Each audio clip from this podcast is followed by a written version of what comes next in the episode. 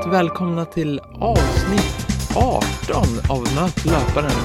En podcast som görs av mig, Marcus Åberg, i samarbete med Löpning för alla.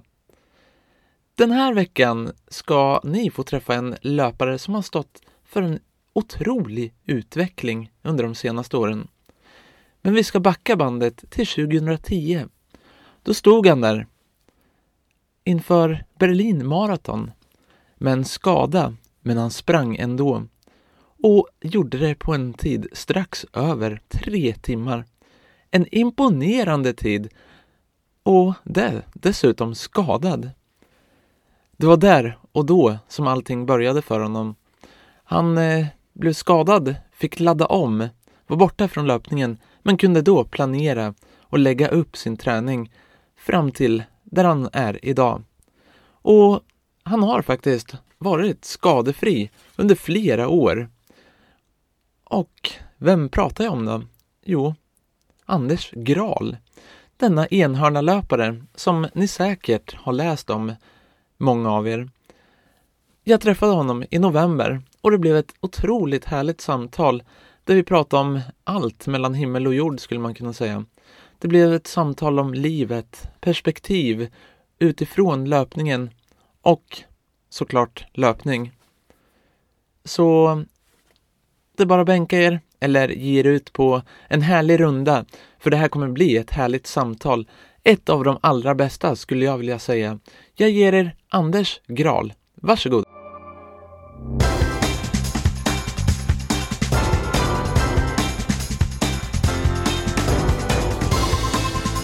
Kul att träffa dig. Kul att du vill vara med i Matlapparen till att börja med. Ja, men väldigt roligt att få komma hit. En stor, stor ära att få sitta här och prata med dig. Ja, kul. Kul att höra. Eh, Men första frågan då. Anders Gral, vem, vem är det? Ja, det är ju en bra fråga.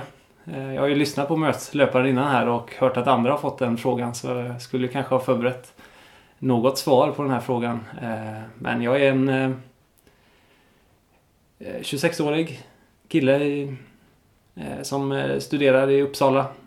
Är från Smögen från början på västkusten. Kanske slinker igenom lite dialekt därifrån. Eh, Tyvärr eh, har den försvunnit lite grann på, på vägen men eh, jag hoppas jag kan komma tillbaka och ta upp den igen så småningom. Ja, du skulle vilja ha kvar den? eh, Ja, dialekten? absolut. Jag gillar dialekter av alla dess slag. Eh, Så jag... eh, Ja. Ja, Jag längtar tillbaka lite till västkusten, det gör jag. Men, eh, men jag trivs väldigt bra i Uppsala. Och där läser jag till eh, civilingenjör. Och har fram till förra helgen eh, jobbat en del på IKEA vid sidan av. Och sen eh, som eh, de kanske de flesta förstår så springer jag även en hel del på fritiden. Mm. Ja, just det. Men hur länge har du bott i Uppsala då? Jag har bott i Uppsala i... eh, Tänker jag. Ja, det är drygt, drygt fyra år nu. Och eh, flyttade dit då för att studera. Och min eh, dåvarande flickvän, min nuvarande fru, flyttade dit före. Började läsa till sjukgymnast. Så eh, det var anledningen till att jag hamnade i Uppsala. Mm.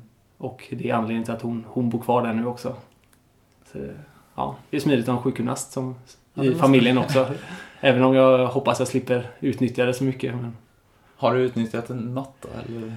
Ja, hon jobbar ju inte direkt med idrottsskador utan mer med rehabilitering av äldre personer. Mm. Så, ehm, så jag kanske får, får mer nytta av hennes expertis på sikt då när jag blir gammal. Men, men eh, än så länge har jag, inte, har jag inte behövt utnyttja det så mycket. Nej. Det finns en massa- massagebänk där hemma så, så hon har väl fått knåda mina vader någon gång ibland. Ja. ja, det måste väl vara perfekt eller? Alltså, Ja, nu låter det som att vi... Jag är ju... Ja, jag tycker att det... Ja, tycker att ja, när man ja, kan göra ont liksom och knåda på musklerna är lite känslig med det. ja. Eh, Och sen tänker jag att musklerna klarar sig bäst själva också. Så, så det är inte ofta, men någon gång efter någon mara och sådär så har det verkligen behövts. Så då, då har det varit perfekt. Mm, mm. Men din väg in i löpningen då? Mm. Ehm, ja, kan du berätta om den? Ja, ehm, jag har inte tränat löpning som, som en löpare eh, under så många år. Utan det var 2010 som jag som jag började träna. Eh, då hade jag sprungit ett Göteborgsvarv och ett Stockholm Marathon innan. Men det var under tiden jag samtidigt spelade fotboll. Eh, och gjorde det som en, som en rolig grej. Eh, så min första mara i Stockholm var 2009. Och mitt första, första halvmara var året innan i Göteborg 2008. Om jag inte minns fel. Det ska det vara. Men eh, 2010 då hade jag flyttat till eh, till Uppsala och eh, lagt av med fotbollen och hade pluggat ett halvår och eh, kommit av mig ordentligt fysiskt. Jag tränade ingen fotboll och tränade inget annat så då var det läge att ta tag i löpningen och jag fick, eh, fick då hjälp av en vän, eh, Bennet Hägg. Eh, och han satte upp ett träningsschema till mig som jag följde den våren och målet var att springa under tre timmar i Stockholm på Stockholm Marathon. Och jag sprang på tre timmar och en sekund så att det... Okej, okay, ja. Ja, det höll nästan hela vägen. Ja. och på den vägen har du bara rullat på sen eller? Ja, sen blev jag verkligen biten och eh, det är ju så att eh, ja, när man får resultaten med sig då blir man motiverad och när man är motiverad då får man ofta resultaten med sig också. Så det är ju verkligen en positiv spiral där. Så att ja, jag blev taggad av det och fortsatte träna den sommaren. Och hade som mål då att verkligen eh, ta mig en bit under tre timmar i Berlin den hösten. Men eh, då åkte jag på ett, ja, en skada den hösten, ett löparknä. Och eh, kunde, inte, kunde inte träna alls inför det loppet så att det gick ju inte. Det går inte att springa mara utan att vara verkligen tränad. Nej. Så där blev det tre, tre timmar och 17 minuter. Så det var första... Ja, det var mitt i min skadeperiod så det var egentligen dumt att jag sprang men, men eh, jag hade redan bokat resan och eh, hade startplatsen kvar så mm. tänkte jag få, få ställa upp och, och köra i alla fall. Så det höll eh, första två tredjedelarna av loppet tills jag hade sprungit 28 kilometer. Då gick det bra men sen, sen fick jag slå på takten den sista biten och bara ta mig i mål. Så det var ju, ja, det var, var segt att det blev så men, men eh, samtidigt så tror jag jag har haft, haft nytta av den tiden jag fick efter där när jag fick fundera igenom träning, träningen och, och eh, börja ladda för säsongen efter då. Inför 2011 då? Ja, precis. Så då tog jag ett par månader och helt break från löpningen där den vintern. Och sen dess då har jag, nu ganska exakt nu har jag varit skadefri i tre år. Och under de tre åren då, då har, har det verkligen gått framåt. Mm. Men då när du började 2010, fick det här träningsprogrammet, eh, kände du direkt då att löpning är... Jag kan tänka mig när du höll på med fotboll, tyckte du löpningen var det roliga då? Eller, alltså... Nej, alltså som fotbollsspelare så var det en del som hävdade att jag mer var en löpare än en fotbollsspelare. Så, så är det mm. Och eh, de här vinterträningspassen när vi sprang i en backe, de tyckte jag alltid var, var eh, roliga. Och Eh, det var där jag hade min styrka som fotbollsspelare. Men eh, ja, när jag fick det här eh, tränings, träningsschemat så, så hade jag ju ja, lite struktur på träningen och jag hade lite ansvar jämte mot Bennet som hade varit snäll och satt ihop det här schemat att, att göra de här tre passen som det var då i veckan. Mm. Så då, ja, det var där det började. Hur såg de här passen ut då? Tre pass? Ja, jag kommer inte exakt ihåg nu eh, så här långt i efterhand men eh, jag tror att det var två stycken typ intervallpass och ett, ett vanligt distanspass eller lite längre. Så, eh, och det blev ju ja, lite längre i passet ju närmare maran som jag kom då. Mm. Sen kunde jag utöver det också eh, träna något extra pass eh, men också bara distanspass då. Men, men det var de här tre passen i veckan. Det var där jag började och ja, det kändes lagom då. Mm. Men då när skadan kom då, eller löparknät, mm. då har du kommit igång, känns bra. Och så kommer en skada. Hur tänkte du då? då eller? Det var... Eh, hade kört Bellmanstafetter 5 kilometer. Och eh, sprungit med... Ja, var första Bellmanstafetten. Jag sprang med enhörna. Och jag sprang i, i tredje laget. Eh, och sprang ganska bra då för, för, eh, för vad som ja, jag hade tänkt mig innan. Mm. Och eh, det var på, på lördagen och sen på söndagen så stack jag ut och sprang ett, ett långpass. Och då eh, var jag väl inte riktigt redo för det, för det egentligen men... Eh, eh, ja, då, då kom, kom det en känning i knät och sen försökte jag träna dagen efter men, men det ja, låg fortfarande där och skavde. Så då sökte jag upp en sjukgymnast och fick, fick diagnosen att det var ett löparknä. Eh, så det var ju surt när man hade, hade känslan att det var något, på, något bra på gång i, i Berlin där då. Eh, och jag åkte ner till Stockholm och värmde upp inför Stockholm halvmaraton två veckor innan Berlin. Men kunde inte ens värma upp då så det blev ingen, ingen träning inför Berlin utan var bara att ställa sig på startlinjen och se om det höll den dagen. Eh, men det, ja, som löpare är det väldigt tråkigt att vara, vara skadad så är det skönt att ha sluppit det sen dess. Mm, mm. Men tror du att du lärde dig någonting av det rent? Eh? Ja, det tror jag. Jag har inte, inte kört eh, så många hårda pass eh, dagarna efter varandra sen dess då utan eh, och nu så här tre år efter har jag en annan träningsgrund också än vad jag hade då. Jag tror att det är väldigt vanligt att, att man som nybörjarlöpare ökar träningen för, för snabbt. Och inte riktigt har respekten för, för att skadorna lurar runt, runt hörnet. Mm. Du tror att det är en vanlig, alltså, du var inne på det lite här, att man ser resultat, att det går framåt. Mm. Tror att det är lätt att fastna i det att ja, men nu går det bra, nu tränar jag hårdare? Ja, det är ju lurigt det där för vissa strukturer i kroppen är ju snabbare på att anpassa sig än andra och eh, hjärta, lungor, det, det går ofta ganska snabbt att få upp en bra kapacitet på det. Medan muskler och senor släpar lite efter. Mm. Och eh, håller man sig inte, inte kall då, då, då är det ju lätt att, att det, det händer något. Eh, ja. Viktigt att vila mellan, mellan passen också, inte bara köra på. Känns det konstigt att man inte bara trampar på utan funderar på vad det kan vara och kanske lägger om träningen lite grann. Mm. Men nu alltså tre skadefria år? Ja, det är fantastiskt skönt. Ja. Och det har gått bra för dig? Eller? Ja, det får man väl eh, säga. Eh, jag har verkligen varit nöjd med, med eh, resultatutvecklingen sedan dess. Det, det, det tycker jag.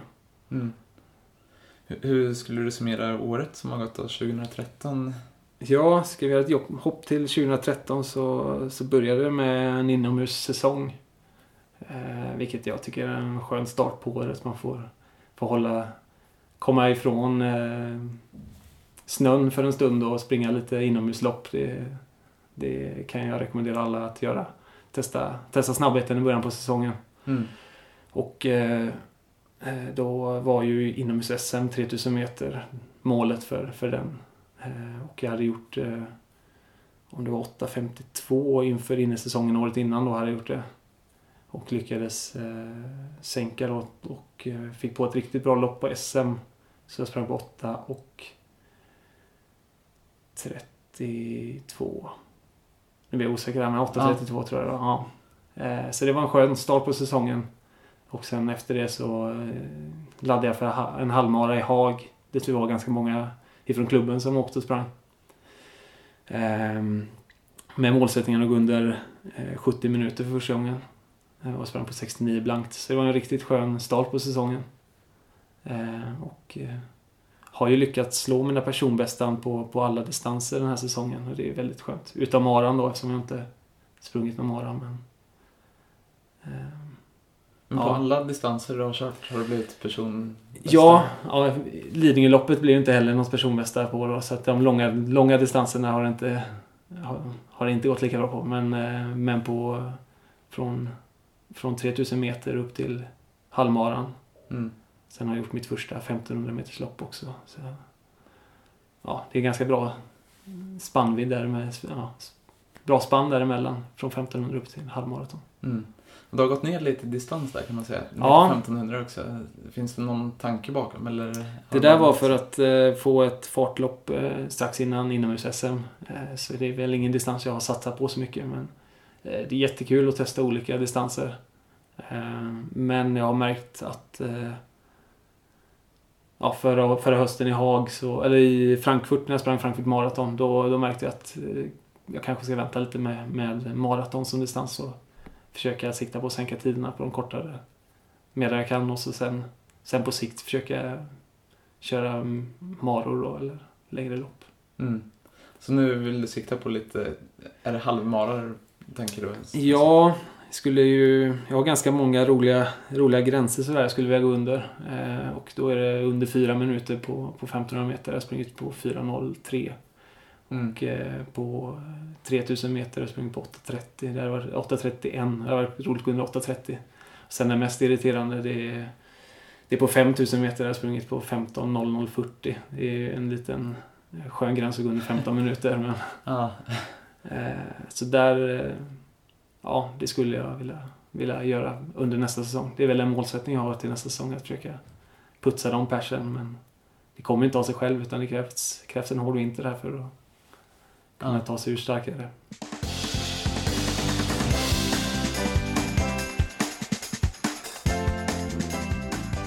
Men om vi backar bandet igen då. Till Ja. 2010, 2011, 2012 och nu 2013. Om Ja. vi tar från... Du måste ju jobbat väldigt grundligt ändå och lagt den grunden som du har idag, eller hur? Ja, under, eh, kan ju se hur jag har ökat, ökat min mängd då. Under 2011 då, då tränade jag, under 2010 då tränade jag ungefär 150 mil. Och eh, sen ökade jag det till 2011, sprang, tränade ungefär 300 mil. Och förra året så tränade jag 440 mil och nu blir det strax över 500 mil. Så att jag har ju hela tiden försökt öka träningsmängden. Och sen är det ju inte, är det inte bara mängden som, som, eh, som spelar in där utan försökt eh, löpa de tuffare passen eh, tuffare också för varje, varje år. Och, eh, ja, försökt öka hyfsat klokt ändå. Jag tror att det är ganska många som går från 6 mil upp och kör eh, 12-15 mil i veckan. Eh, eller många, det finns i alla fall några och, och då, då kan det hända att det går bra men det kan också eh, hända att man får, får lägga en säsong på att vara skadad och det, det har jag försökt, försökt undvika. Mm. Eh, och haft turen bland annat att, att eh, klara mig ifrån det. Det är en svår balansgång men det är små marginaler där som... eh, ja, det sägs det. Ja. gäller att balansera på knivsäggen där. ja. Men kör du mycket alternativt också, eller kör du bara löpning och... Ja, kör du nå- någonting annat, eller hur? Jag kör väldigt lite alternativt vanligtvis. Nu har jag eh, efter den här säsongen eh, lagt in några pass med annat. Och, eh, det är min ambition varje vinter att, att, att försöka träna mer alternativt. Men, men det är ju roligt att springa och på grund av löpningen jag tränar och det är det som får mig att hålla igång. Så det, det blir att löppassen prioriteras oftast före, före det andra. Mm. Ja, så det är väldigt lite under säsong som jag tränar alternativt. Mm. Men eh, då när du planerar din träning då, är det så att du har du någon tränare eller kör du mycket från eget huvud eller? har ingen eh, tränare som jag har eh, kontakt med till vardags sådär som lägger upp min träning vecka för vecka. Eh, däremot har jag ju en kontakt i klubben. Eh, Hasse Nilsson i Enhörna som, som har eh, följt många löpare genom åren och själv varit en extremt duktig löpare. Eh, som, som jag kan bolla lite idéer med och sådär. Eh, men annars, eh, annars lägger jag upp träningen själv och lägger upp den utifrån hur veckan ser ut och eh, är inte heller rädd för att kasta om några pass, pass ibland om det, om det känns som att jag behöver det. Mm. Det, det finns både för och nackdelar med att ha ett eh, fast schema. Och jag tror att, eh, att det skulle kunna vara bra att ha ett mer detaljerat schema än vad jag har för att få med, få med rätt pass vid rätt tidpunkt och sådär. Men än så länge har det fungerat bra att göra så här för mig. Då, då har jag kört på det. Mm. Men hur mycket visste du om löpträning innan? När du körde fotboll, då tränade ni mycket löpning i, i laget då? Eller? Nej, inte så mycket. Men Inte så mycket. det var väl mest på vinterhalvåret när, när det var... Du hade velat ha mer löpning kanske? Ja, det hade kunnat gå bra med bara löpning. Okej. Nej, men, det- men hur mycket koll hade du då, då kring löpträning när du började? Du, du sa att du hade hjälp här eh, Ja. i början, men... Det hade jag av, eh, av Bennet där. Mm. Som, som hjälpte mig lite in i hur man ska tänka och fundera. Och sen finns det ju väldigt mycket till hands eh, på internet man kan läsa. Och, eh, det går ju att, att höra sig för bland andra, andra löpare hur de tränar och få inspiration. Och, eh, sen, eh, ja, sen, sen skrev jag faktiskt, när jag gick, redan när jag gick gymnasiet då, som var eh, ganska många år sedan nu, så skrev jag mitt eh, det här slutet, arbetet man skulle göra. Jag vet inte, projektarbete. Ja, projektarbete. Som jag gjorde i trean. Eh, Det skrev jag faktiskt om konditionsträning och, eh, och var en sväng på Bosön och gjorde praktik där en vecka. Okej. Ehm, Så redan då var jag intresserad av det men det fanns, fanns inga ambitioner att själv löpträna så mycket utan Nej. eh, ja, Men, men hur känns det nu då när du är... Man, du är ju bland eliten nu, får man säga, och slåss i Sverige. ja, det beror på var man lägger den gränsen. Det, Ja, men det tillhör ju toppen ändå, får vi väl säga, eller? ja, ja, inte absoluta toppen men, men Nej, men strax under där.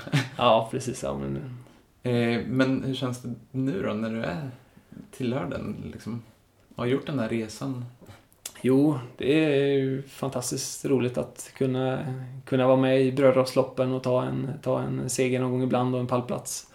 Eh, det är det ju. Och eh, kunna vara med i eh, SM-sammanhangen utan att bli varvad för många varv. Mm. Det är ju väldigt roligt. Och ja, man tittar nog inte så mycket bakåt. Eh, eller jag gör inte det. Eh, för då känner jag att jag kanske blir nöjd och belåten. Utan jag försöker ganska ofta blicka framåt och hitta nya mål och målsättningar och eh, tankar inför, inför framtiden istället. För det, det motiverar mig mycket mer än att titta i backspegeln. Så du ser bara framåt hela tiden? Nej, inte bara. Nej, absolut inte. Jag eh, kan sitta i min träningsdagbok och se, se ja, nu var det ett år sedan jag sprang det här loppet och nu, ja. Och minnas väldigt mycket härliga eh, ja, upplevelser och så här som man har fått genom löpningen. Ehm, resor man har gjort och lopp man har sprungit och personer man, man har lärt känna och eh, man har fått väldigt mycket av, av löpningen. Ehm, men eh, jag känner mig inte färdig än. Nej. Men hur har bemötandet varit då? Eller hur är bemötandet i löparvärlden som du är så pass ny ändå? Tre år? Ja, okej. ja. Som är- Eh, tänker ifrån de som varit med längre eller? Ja, jag tänker de som eh, du tävlar mot nu eller som, ja, som du tävlar mot helt enkelt. Eller Ja. hur? Det är ju det, är många som har hållit på väldigt länge, om man säger, så, i jämförelse med hur länge du har hållit på.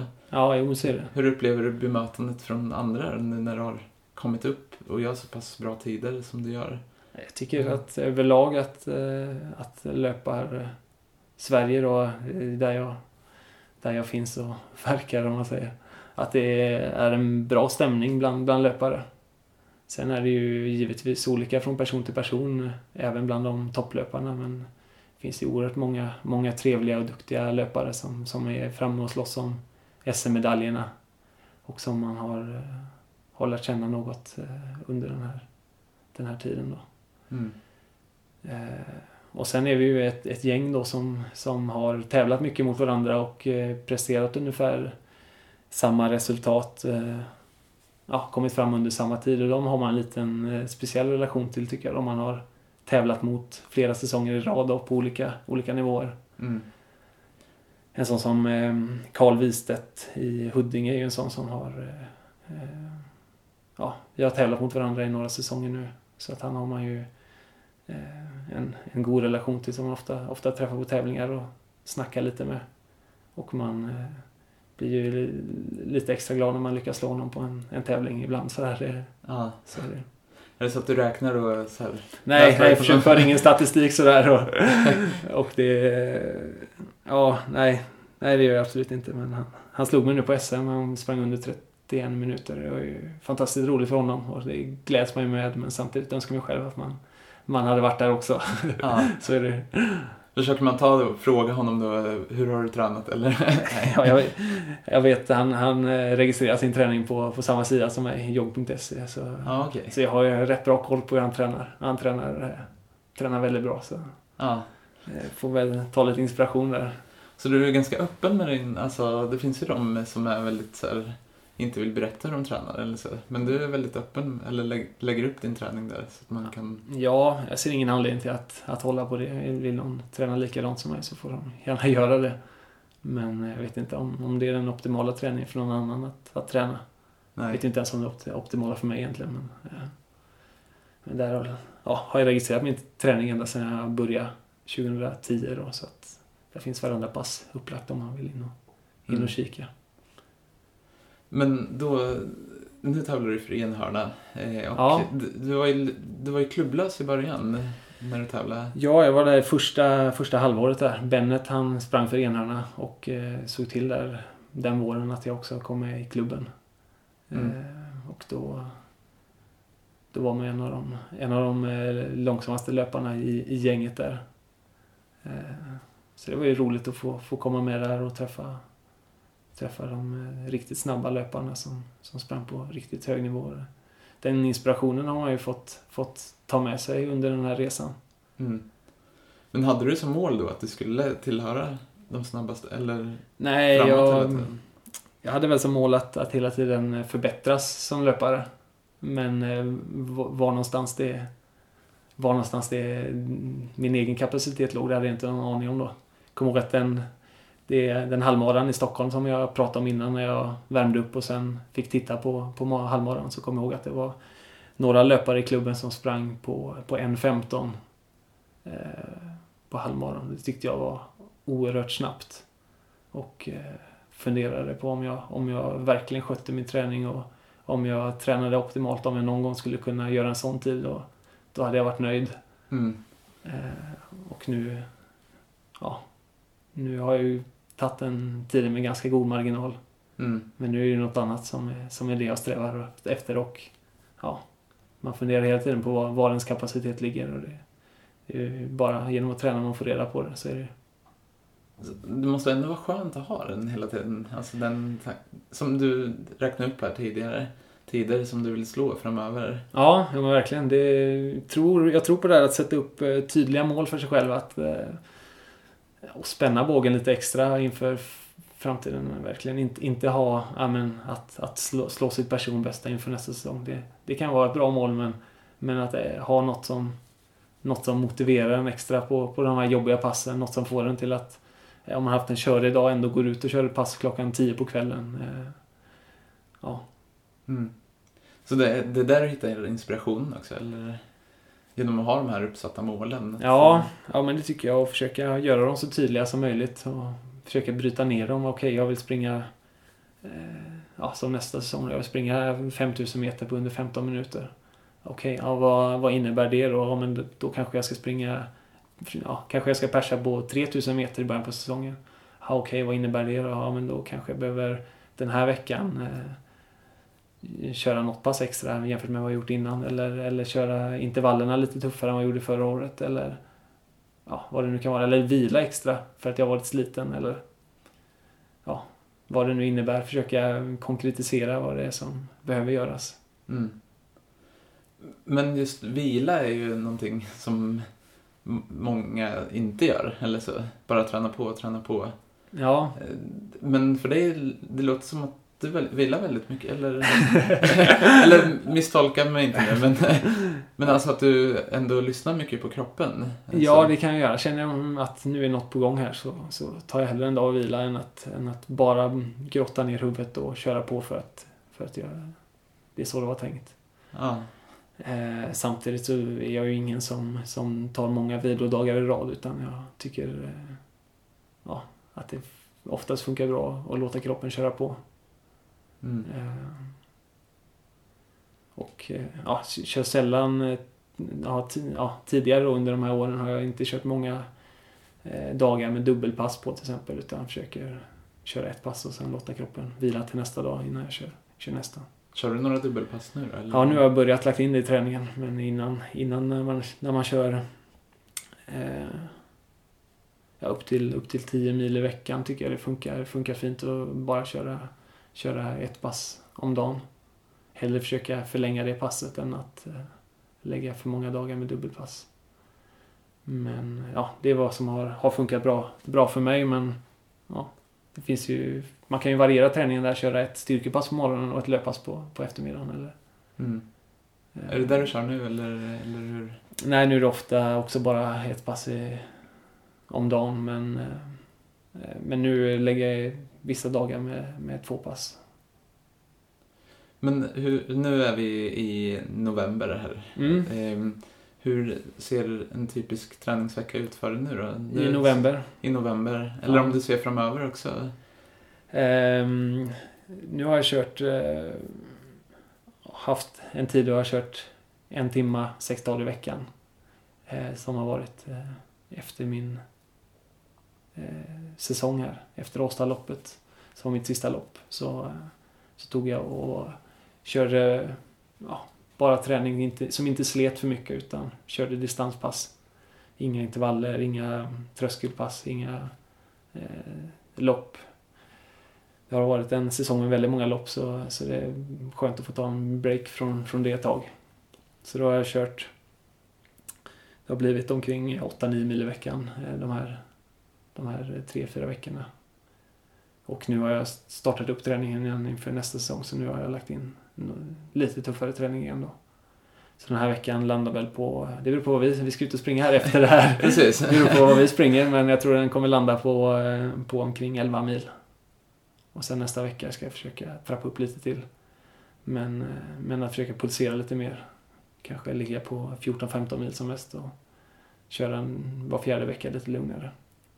Men, hur ser en konkret vecka ut då? Om vi börjar måndagen? Eh, jo, eftersom, eftersom jag inte har något så här strikt schema så är det svårt att säga hur en typisk vecka ser ut. Men, men ett par, eh, ett par intervallpass under veckan och, eh, och något eh, antingen längre eller, eller tuffare pass.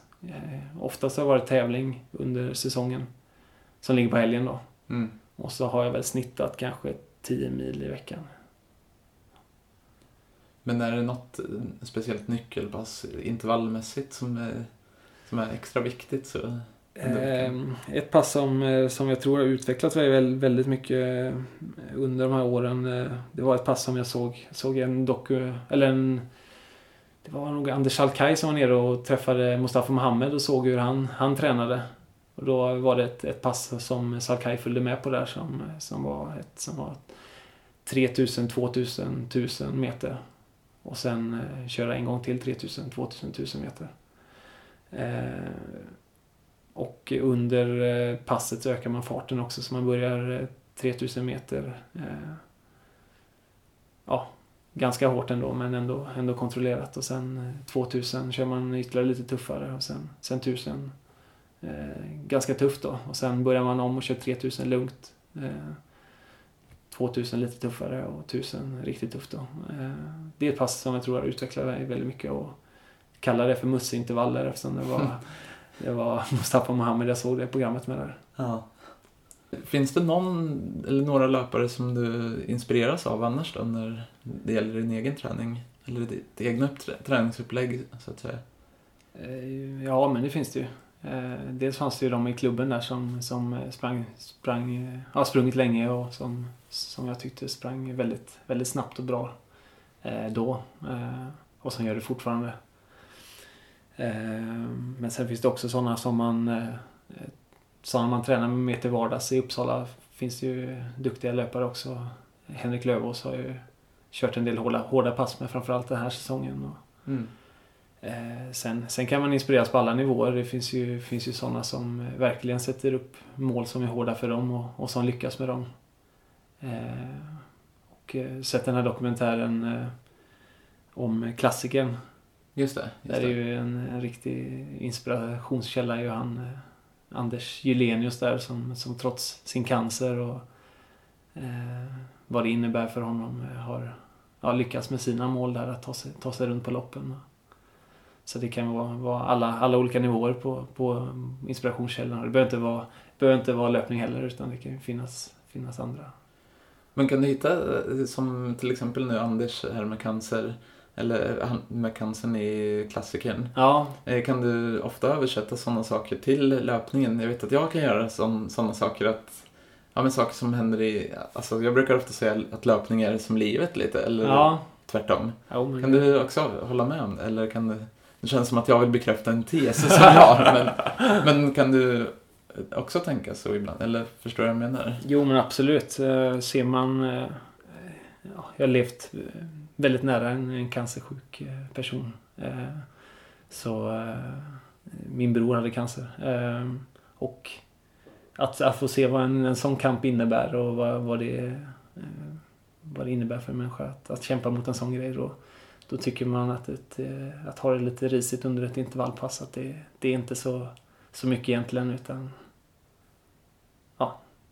Att det ger lite större perspektiv. Ja, verkligen. Eh, och och i, det, i det perspektivet blir inte, blir inte löpningen heller så viktig utan, eh, utan då, då kan man kunna, ja, kan man tackla en motgång ibland också. Och inte, ja, om, man inte har misslyck, eller om man misslyckas helt med sitt mål, om man springer ett lopp och märker det här, det här loppet det, det, det kommer gå åt skogen och jag kommer, kommer inte ta min tid. Eh, då, då kör man på och, och tar sig mål i alla fall. för för det, det kan ju vara en seger i sig att, att vinna över den, de tankarna och vinna över, över ja, det perspektivet. Men det där kan ju också vara en svår tröskel, alltså just som du säger nu, man inser när man ligger på de tiderna som du springer på. Alltså att man ger, bryter, eller har det hänt någon gång att du har brutit ett lopp? Eller? Nej, jag har aldrig, aldrig brutit ett lopp. Eh, det tyckte jag var, var en grym grej i den här dokumentären också. Anders Julenius, att han hade aldrig brutit ett lopp. Och att det var det, det var det som motiverade honom nu. Eh, det kanske blir något som motiverar mig senare i livet. Mm. Och har jag brutit ett lopp nu, då har jag gjort det. Så mm. att, eh, nej, det blir, blir... Ja, Nej, jag försöker alltid, alltid ta mig i mål. Det finns, sen finns det ju folk som tvingas bryta av medicinska skäl eller, eller av helt andra anledningar. Det, det har jag full, full respekt för. Eller om någon annan tänker på något annat sätt. Men, men för egen del så, så ja, som under Göteborgsvarvet. Där hade jag tankar att, att springa, springa snabbt och bra. Eh, men märkte halvvägs att det här, det här funkar inte. Och sen, sen blev jag bara, bara omsprungen resten av, av loppet. Det är, det är lätt att bryta ett sånt lopp om man har brutit innan. Och, och tiden jag fick där, det var ingenting som, som var, något, var något värt för mig. Men, eh, men ibland, ja. Det har ju med sportmannaskap att göra också. Att, att de som man själv slår på vissa lopp, att, att låta dem eh, slå en själv också när man inte har, har sin bra, bra dag, ändå ta sig mål. Det, det tycker jag man kan, kan bjuda på ibland. Det måste ju också bli till en mental styrka att inte ha brutit något lopp, eller? Jo, det, det tror att, eh, tror att det är eh, tror att det är så att om man har brutit ett lopp en gång så är det lättare att bryta av mindre anledningar. Eh, kom ihåg, det finns en klassisk video på Youtube med Mikael Ekvall när de intervjuade honom efter ett Göteborgsvarv där han hade, hade det verkligen struligt. Eh, och då vet jag att han säger att, att bryter man en gång så, så är det lättare att göra det för mindre anledningar. Och det tror jag är, verkligen är sant. Har man, har man aldrig brutit då, då försöker man undvika det också. Mm. Eh, tänker du då mentalt inför ett lopp? Eh, om vi tar en halvmara här. Vad har du för taktik inför en halvmara till exempel? Ganska ofta så har jag gjort eh, någon form av plan på vad jag ska passera halvvägs på. Och sen, sen gäller det att därifrån ta sig, ta sig i mål. Mm. och det var det som blev fel under Göteborgsvarvet. Att, att det var det var svåra förutsättningar för, för man visste inte riktigt hur värmen och eh, det var ganska kvavt i luften hur det skulle påverka en som löpare. Hur, och det, det påverkade mycket mer än vad många räknade med så det var ju få som gjorde, gjorde bra lopp där. Mm. Och eh, eh, ja, då, då hade man tjänat på att eh, lägga upp ett lopp på ett annat sätt än, än, än vad jag tänkte där. Då kanske det var bättre att gå på gå på känslan tidigt i loppet eller, eller ta det lugnt första halvan. Men, men överlag så försöker jag ja, ha någon tanke med vilka, vilka tider jag ska passera vissa grejer, vissa mål på vägen på. Mm. Så när du har kommit halvvägs, då är det bara in i mål, eller sista halvan kvar? Ja, eller hur precis. Tänker du då? då? Man räknar väl upp kanske halva loppet och sen börjar man räkna ner istället. Så, ja. så funkar det väl.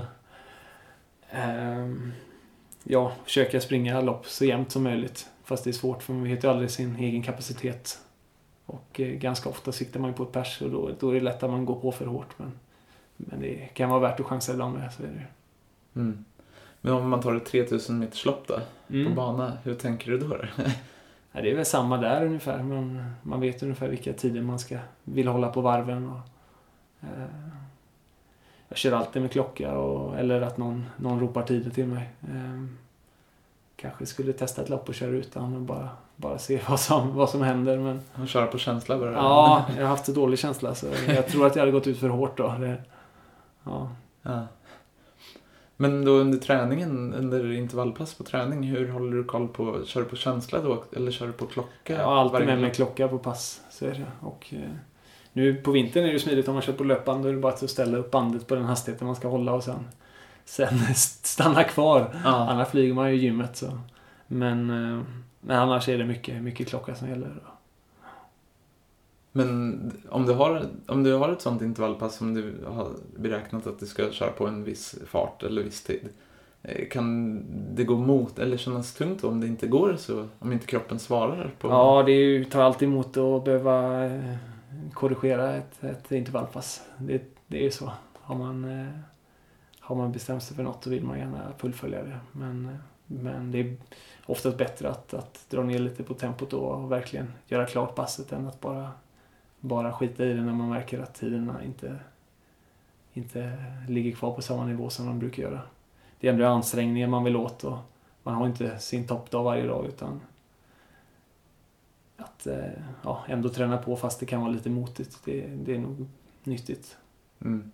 Men tror du att just med att köra med klocka och få det svart på vitt har varit väldigt viktigt för dig? Alltså, Ja, absolut. Det tycker jag. Jag kör ju aldrig några pass utan att jag vet vilken distans och vilken tid jag sprungit på. Jag gillar att logga det här eller skriva in det i min träningsdagbok och, och jämföra med vad jag sprang förra året. Och, eh, så det har varit väldigt motiverande att, att ha koll på sådana saker. Och, men från början när man eh, började träna då, då ville man gärna slå sina tider på rundan eller att eh, jag tror att det är eh, ett vanligt problem att man tävlar för mycket på träning. Men, men nu, nu finns ju inte de tankarna längre. Utan nu, nu är ett träningspass ett träningspass och ett tävlingspass.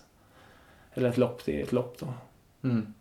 Så du har kommit till det nu att nu har, är du lite lugnare med, eller så, tränar mer med tanke eller vad man ska Ja, säga? och håller ganska, ganska mycket marginal ifrån, ifrån vad som... Ja, det är ju inte tävling att träna utan... Eh, kör ju inte de, de farterna till exempel som, som jag springer 3000 meters lopp på. Det är, ju- de kör ju inte några långa, långa pass på utan...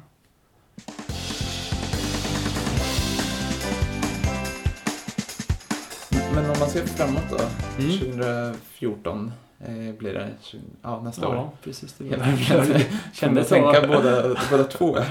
det kändes som det låg långt fram men det är ju faktiskt bara, bara par månader här. Så. Känns det långt fram i tiden? Ja, men det är det 2014. Det var inte länge sedan man firade millennieskiftet. Så. Nej. Vad, vad siktar du på 2014 då? Har du några stora, lopp, viktiga lopp, viktiga tävlingar framöver?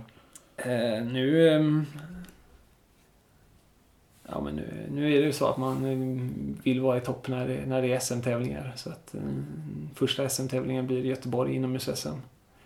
Och där är det 3000 meter som, som gäller. Så att eh, det vore ju väldigt kul att få vara i bra form tills dess. Men, eh, men sen är det ju 10 000 meter SM i början på augusti i Umeå. Och eh, sen finns det ju SM i halvmaraton också som är Stockholm halvmaraton. Mm. Eh, De SM-tävlingarna kommer jag ju försöka vara i form till och vill gärna springa. Eh, Men annars, annars handlar det om att eh, kunna gå under de här gränserna som jag sagt. Bland annat 15 minuter på 5000 meter där. Och det vore kul att springa på under 8.30 på 3000 meter också. Ja. Och på 1500 under fyra blankt? Ja, det vore ju riktigt fint att få, få göra det. Jag har bara sprungit ett, ett 1500 meters lopp så att jag... ja, då borde du väl fixa det? Ja, jag tror det. Jag tror det. Men eh, vad, vad tror du själv att du har för kapacitet då? Om man ser framåt? Eller vad, vad, vad tror du att du kan gå för? Om man ser framåt i tiden också? Längre än Det 20? blir väldigt spekulativt om man ska, ska säga sådana saker. Och Mm. tycker att det kan vara, vara lite larvigt ibland när, när vissa löpare säger jag springer, springer de här tiderna med den här träningen. Då måste jag kunna springa, springa eh, på de här tiderna om jag tränar mer. Liksom, eller, eh, eller om man eh, har sprungit den här tiden på, på 3000 meter och borde kunna göra det här på maran. Det finns ju sådana tabeller där man kan jämföra med då, hur, man, hur man har sprungit på olika distanser. Mm. Men det är ju ganska, ganska ointressant om man inte sen gör de tiderna. Det är ju väldigt... Eh, det är ju en sak att ha kapacitet för någonting och en annan sak att göra träningen det krävs för någonting. Jag vet inte vad som är tycker vi att det är mer imponerande de som har lyckats träna för att klara sina mål som är riktigt tuffa. Eh, än, vad, än vad det är att ha kapaciteten att göra det men sen inte, inte göra det. Då. Så att jag, jag vet inte alls var mina gränser ligger och, och eh, till mångt och mycket ligger det i hur, hur mitt liv kommer att se ut framöver och hur mycket tid jag kommer få till, till att, att träna och, och sådär. Eh, men till nästa säsong så, så eh, ja, jag har väl lite lösa tankar vad jag, vad jag vill sikta på. Mm. Och då handlar det ju bland annat om att, att slå personbästa på de här distanserna och få gå under de här 15 minuter på 5000 meter. Det, det ska ju finnas där om jag har varit så nära. Ja. Men hur långt framåt ser du då med din satsning på löpning eller som löpare? Så länge det, så länge det är kul och så länge jag tycker det ger mig, ger mig någonting. Så, så länge det berikar eh, livet. Eh, då kommer jag köra på. Men vad, vad det innebär tidsmässigt, det vet jag inte. Men, ja. Nej. Jag är inte färdig än i alla fall. för, för, kom, du var inne lite på det tidigare, att så länge du kan se framåt hela tiden och se nya mål. Ja. Men en dag kanske det kommer komma en dag då du har nått, eller ja. känner dig nöjd, eller? Ja, det hoppas jag inte. det finns ju, finns ju alltid andra mål än att, än att eh, springa snabbare och snabbare. Det, den gränsen kommer man ju nå en dag. Och då hoppas jag att man kan hitta, hitta andra mål med sitt idrottsutövande eller med sin eh, Satsningen kommer inte se likadan ut då för, för just nu är det ju verkligen att, att springa snabbare och snabbare. Men eh, ja, så, som en sak blir att springa längre. Att kanske på sikt gå över till att köra maror och sikta på att, att förbättra sig där. Det tror jag är, är en distans som, som eh, man har en bättre möjlighet att slå sina personbästan eh, ju fler år man har i benen. Mm. Eh, så ja, det är väl en sak som jag kan, kan se sådär på rakan. Men vad var det då konkret? Du, också in, du gjorde en mara men kände att det inte var riktigt dags än för den distansen. Ja, jag hade ju faktiskt gjort en två, tre maror innan jag sprang min första millopp. Så, ja. så jag har gjort några stycken men, ja. men det var Frankfurt där du tänkte på. Precis, precis. Ja. Men vad var det som fick dig att känna då att det kanske inte är dags för den distansen? Det var så fruktansvärt tråkigt sista, sista 15 kilometrarna. jag hade väl öppnat lite för hårt och in, hade inte den träningsbakgrunden som det krävs och inte gjort de passen som, som krävs. Så, eh, så efter, efter det loppet eh, så, så sa jag till Hasse där i enhörnan att nu, nu springer, jag inte, springer jag inte en mara förrän jag gjort under 31 på milen. Nej. Och då har jag gjort 32.15 det året där. Eh, så, så det har jag ju fortfarande framför mig här. Det löftet där. Så det blir väl något att sikta på nästa säsong där. Nu har jag 11 sekunder kvar ner till 31 där. Ah. Och det är väldigt, väldigt tråkigt att springa springa ett lopp och känna sig helt, helt bränd på slutet. Och göra det så länge då som 14 kilometer. Det, nej, det är inget kul alls. Eh, så den... Det var väl, var väl den avslutningen på Frankfurt Marathon som fick mig till att, att backa lite grann från att springa maraton det här året. Mm. Men det var ändå en bra erfarenhet tycker du? Ja, absolut. Den, eller? Jo, jag ångrar ju inte att jag, jag sprang i Frankfurt. Utan jag slog ändå mitt personbästa där med någon minut. Men, mm. men eh, ja, jag hade väl förväntat mig mer av det loppet än vad jag fick ut där. Passerade halvvägs på, på en, en 13.30 eller något sånt där. Och eh, gick i mål på, på 2.36. Höga 2.36. Så, eh, så jag tappade 10 minuter på andra halvan. Och det är inget roligt avslut på ett lopp och ja, tappa så mycket. Nej. Den är jobbigare när man får åt det hållet. Ja, exakt åt andra hållet. Men finns det, finns det något lopp som du är extra nöjd med så här, som har betytt mycket för dig? Eller så? Tänker mig Göteborgsvarvet, det start, där har du sett väldigt mycket gått framåt i leden så att säga? Eller? Ja, första gången jag sprang där i Göteborgsvarvet så sprang jag på fick fundera, 1.27 tror jag. Mm. Det, var, det var innan jag började löpträna där. Eh, så mycket som jag löptränar nu. Jag kör ändå, ändå en del pass inför det. Men, eh, och eh, sen när jag fick det här träningsprogrammet då, då tänkte jag nu kommer jag, kommer jag lyckas slå den här tiden ganska ordentligt för då hade jag en helt annan grund än våren där. Men Mm. då sprang jag på 1.26. Sen förra året så, så sprang jag på 1.13.38 på Göteborgsvarvet. Och det var jag jättenöjd med då. Tills jag såg att, eh, att min släkting, min mammas kusin, hade sprungit på 1.13.37 så han, han har, har fortfarande släktrekordet på Göteborgsvarvet efter att jag i år eh, misslyckades ordentligt med det. Då. Så, Ja.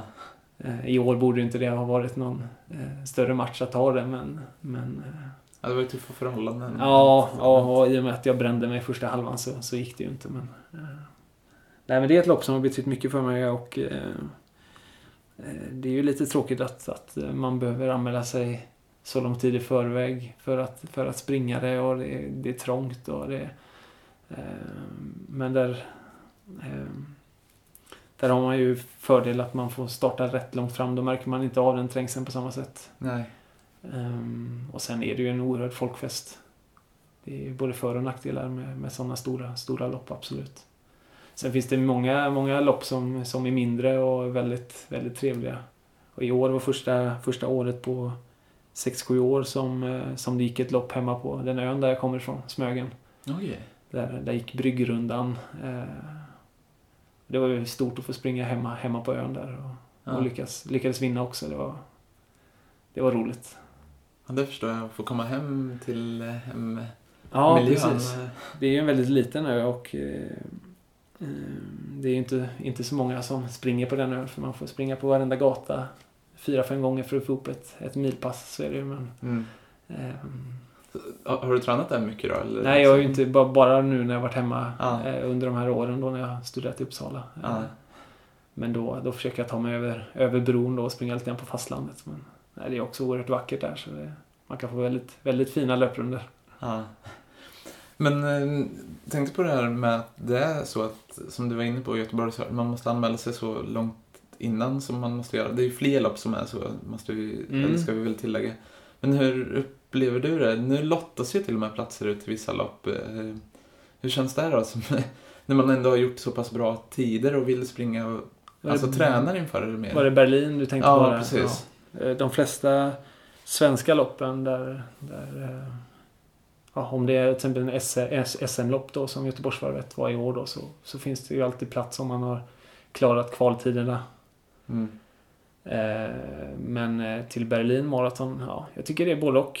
Dels är det ju, är det ju någonstans eh, en, ett rättvisetänk att alla ska ha samma chans att starta oavsett kapaciteten. Men, men sen tycker jag också det är lite konstigt när, eh, när de som har löpning som sin, som sin stora passion och som, eh, som har lyckats, lyckats bra och gjort bra tider. Eh, då tycker jag att det ska premieras eh, också när löpningen är så viktig för en som man. Men det, ja, nej, det är svårt. Jag tycker att ja, det är inte så många löpare det handlar om. Jag vet ju löpare som har gjort under under 2.30 år på, på maran då eh, Som inte fick en plats i, Berlin. Mm. Och det är inte så många löpare det handlar om så jag tycker att, att där borde de kunna vara lite generösare. Mm. Eh, För är man på de tiderna då, då, ja, då tar man inte upp så stor plats bland andra utan det är ganska glest när de springer där framme. Och, eh, ja, så det, det, det kan jag tycka att det finns, finns både för och nackdelar men, men jag ser väl framförallt eh, nackdelar med det då. Ja. Om man ser till svensk eh, löpning då, Mm. för att få fram nya, då kan det ju också vara en viktig del där att man ger att man premieras lite på svenska, som Lidingöloppet också. Jag Ja, läste mycket kritik om att många elitlöpare var missnöjda med att man inte får bra betalt, eller alltså får betalt för sin prestation eller så vidare. ja. Att det premieras inte att lyfta fram prestationen, eller förstår du? Ja, det var ju tråkigt att de kanske inte eh, att de inte tog fram fler personer efter det loppet. Det är ju det är många som gör fantastiskt bra prestationer och, och ett sånt stort, lopp, det är, inte, det är inte så stora kostnader det, det handlar om för dem. Nej. Men att bara, bara ta upp, jag kan ju tycka en sån som Patrik Engström som gjorde ett fantastiskt Lidingölopp och jag tror att han var tredje bästa svensk. Eh, kunde ju få gå upp på en, på en pall i alla fall. Eh, ja, nej, jag vet inte. Jag vet inte. Det är väl upp till varje lopp att bestämma sånt också. Eh, Ja, det är en ganska svår fråga. För ja, svara på kanske. Jo, jo, men verkligen. Varje lopp får bestämma sina, sina priser och sina premier. Eh, och och pa, passar det inte oss löpare, då finns det ju många andra lopp man kan springa också. Ja. Det finns ju vissa lopp som, som Lidingöloppet och som ja, som andra lopp där som, som, som är sådana lopp som inte, man kan inte bara byta ut dem mot ett annat lopp utan det är ju en svensk klassiker, ett, ett klassiskt lopp som har hängt med länge och eh, ja. Men tror du att det kan komma någon så här moteffekt? Att nu är det väldigt populärt och det är många som anmäler sig till, till loppen? Till loppen. Ja. Att de här mindre loppen kanske kommer få ett uppsving eller att vi blir mätta på. Eller det blir det här problematiken, man vet inte ens om man får en plats. Ja, till de här stora loppen. Ja. Jag hoppas att det kan eh, spilla över på de mindre loppen men tyvärr har man kanske inte överallt sett den effekten. Eh, kan ju tala, ifrån, tala utifrån min egen, egen klubb där, Enon IF, som, som arrangerar ett väldigt omtyckt lopp som heter Påsksmällen. Mm. Som bara ligger eh, några mil utanför Stockholm. Eh, men hade det, hade det legat längs med tunnelbanenlinjen eller, eller i Stockholms stad, då hade det, hade det varit ett helt annat en annan tillströmning av folk. Mm. Jag tror att det, det märks nog inte av lika mycket på landet som det gör i centrum och det märks inte av lika mycket på de mindre kända loppen än vad det gör på de, de riktigt stora loppen. Mm. Eh, Just löparintressemässigt? Eller? Ja, jo, men intresset finns ju men, men eh, ganska ofta handlar folk för folk om att springa de loppen som folk vet om. Mm. Det är väl det som eh, det som många vill göra. Springa Stockholm Marathon, Göteborgsvarvet, Lidingöloppet eh, midnattsloppen kanske eller Tjejmilen eller Tjurhuset eller ja. Mm. Det finns ju några lopp som, som som folk vet om mer än i, i löparkretsarna eller vad man säger. Ja, just det. Och de, de blir fulla tidigare än vad, än vad de andra loppen blir. Ja, ja. Men jag, jag kan verkligen eh, ha det som en rekommendation att, att våga, våga ta sig ut på landet och springa mindre lopp. Det är ju väldigt skönt att kunna kunna komma dit, eh, kunna slänga av sig tröjan fem minuter innan, gå och ställa sig på, på startlinjen till och med och, och sticka iväg.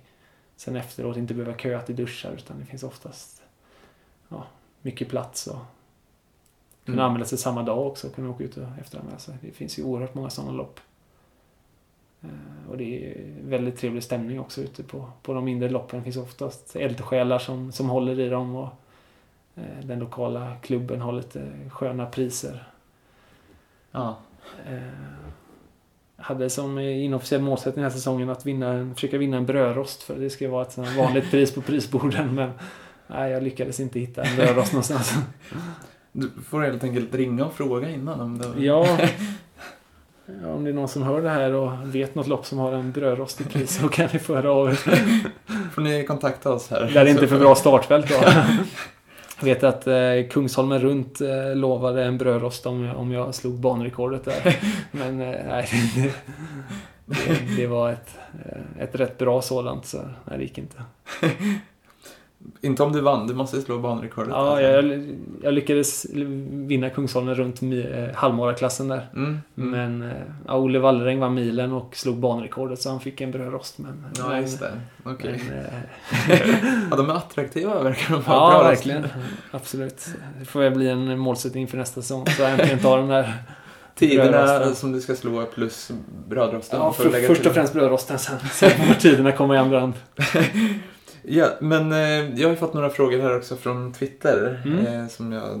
Eh, Hjalmar, ja, Hjalmar Jonsson, fotbollsspelaren i IFK Göteborg, ja. eh, är en förebild för dig. Ja, stämmer, ja. stämmer det? absolut, absolut. Varför är han en förebild? Ja, jag vet inte var det börjar någonstans, men, eh, men han är ju en som har hängt med länge i, i min favoritklubb Blåvitt och en, eh, en klassiker. Han får väl vara en, en förebild i att ja, han, kanske han kanske inte alltid har varit, varit den stora stjärnan men alltid kämpat på. Eh, varit trogen i många år och mm. eh, fin vänsterfot. han har varit skadad, haft mycket skador också eller? Eh, problem med skador? Ja, det har han haft från och till. Det, det är nog, har nog de flesta på den nivån om man har på i många år. Ja. Men hur mycket följer du IFK Göteborg där? Nu är säsongen slut. Men... Ja, jag... Eh, jo, jag följer absolut. Det är väl det laget jag följer mest noggrant sådär. Eh, eh, men det blir ju inte, blir inte lika lätt att, att se matcher och så när man bor i Uppsala. Uppsala är överlag en dålig sportstad. Eh, men, men jag brukar försöka ta mig. Jag var i Gävle i år och såg matchen där och förra året åkte jag till Södertälje och såg matchen mot Syrianska. Ja, försöker se de matcherna som är i närheten. Ja, just det. Då förlorade ni väl mot Syrianska väl? Ja, precis. Ja. Jag har glömt bort det. ehm, ja, och sen var nästa Twitterfråga var om den resan du har gjort, men det har vi ju pratat om redan. Ja, det har vi väl betat av om inte något mer. men eh, finns det någonting du känner att vi har missat eller så? Ja. Kommer vi säkert komma på massa, vi ska ut på springa tillsammans. Ja, precis, men då ska, jag, då ska jag intervjua dig. då byter vi. Nej, jag vet inte vad, vad det skulle vara. Ja, vad bra, då kan jag känna mig nöjd med frågorna. Ja. Men finns det någon, du skickar en lång lista med namn. Som, kan du nämna någon du vill höra i Mötlöparen där framöver? Ja, jag gav ju dig lite, lite Uppsala-löpare där. Mm. Som jag tyckte, tyckte du skulle komma upp och göra. Få ta en hel dag i Uppsala. Ja, men absolut. ja, men det finns ju, finns ju finns ju många intressanta löpare du skulle kunna ta. Uh, Henrik Lövås är ju en jag tränar med i Uppsala som, mm. som är en orienterare från början men har lagt om till löpning och uh, var bästa svensk i New York Marathon här förra helgen. Ja, just det. Just det. Ehm, sen var det också Janne, Janne Holmén jag gav som eh, tips där. Eh, gamla Europamästaren som, som bor i Uppsala. Mm. Eh, vunnit Europamästerskapen i maraton. Sen träffade jag en på Centralen idag. Kajsa Berg, ultralöparen. Aha, det... Henne har du inte intervjuat? Nej, Nej. men jag funderar på att göra det. Ja, det tror jag. Hon är... Så du sprang på henne nu? På... Ja, mötte henne åkte samma rulltrappa upp. Ah, okay. det, är min, min teori att Stockholm inte är en storstad utan en stor små, småstad. Och det fick jag ju bekräftat där när man springer bara på folk så på stan. Ah. Men henne skulle du kunna intervjua. Det var en av jag kan rikta in mig på. Ja, men absolut. Men vad bra. Tack så jättemycket återigen för att du tog dig tid att ja, vara med. Tack för att jag fick komma hit alltså på dig. Så får, vi, får jag önska dig lycka till eh, framöver. Med träningen här efteråt. Ja, Lycka till med att hänga med dig. Precis, ja. jag är i bra form. Nej. Ja, vad skönt. Nej, men med allt tävlande och allt framöver här. Ja, men tack så mycket. Tack så mycket för att ni har lyssnat på detta artonde avsnitt av Möt löparen. En podcast som görs av mig, Marcus Åberg, i samarbete med Löpning för alla. Den här veckan har ni alltså fått träffa Anders Gral, tävlandes för Enhörna. Och denna intervju gjordes alltså i november. Och för er som undrar hur det där träningspasset gick efteråt så kan jag säga att det gick väldigt bra. Och det blev en väldigt trevlig intervju där Anders fick intervjua mig istället. Väldigt kul och spännande. Väldigt svårt att svara på frågor faktiskt, men ni har ju hört mig svara på frågor i ett tidigare avsnitt här på Möt löparen. Vi är tillbaka igen om två veckor och vem ni får möta då, det får ni helt enkelt höra då och inte nu. Eh, jag vill även eh, passa på att eh, tipsa om att ni kan köpa vår tygpåse och visa att du är löpare med trycket Jag är löpare. För 100 kronor plus frakt så är denna påse din. Och självklart kommer jag se till att alla de som har blivit intervjuade i denna intervjuserie kommer att förses med en tygpåse. Det är mitt lilla projekt här under 2014 skulle man kunna säga. Och är det så att du gillar denna podd så tycker jag att du ska gå in och gilla oss på Facebook där vi heter Möt löparen. Där får du all senaste eh, information och nyheter kring podden. Så alltså möt löparen på Facebook där också eh, du kan få alla de senaste avsnitten och alla de hetaste nyheterna vad gäller podden. Jag har inte så mycket mer att säga. Jag tackar återigen för att du har lyssnat och vill ni komma i kontakt med mig så gör ni det enklast via Twitter där jag heter Aberg Marcus eller så slänger ni iväg ett mejl på mejladressen Marcus Aberg och sen en etta på slut, slutet snabela gmail.com. Nu hörs vi igen om två veckor igen. Ha det så bra så länge. Hej då!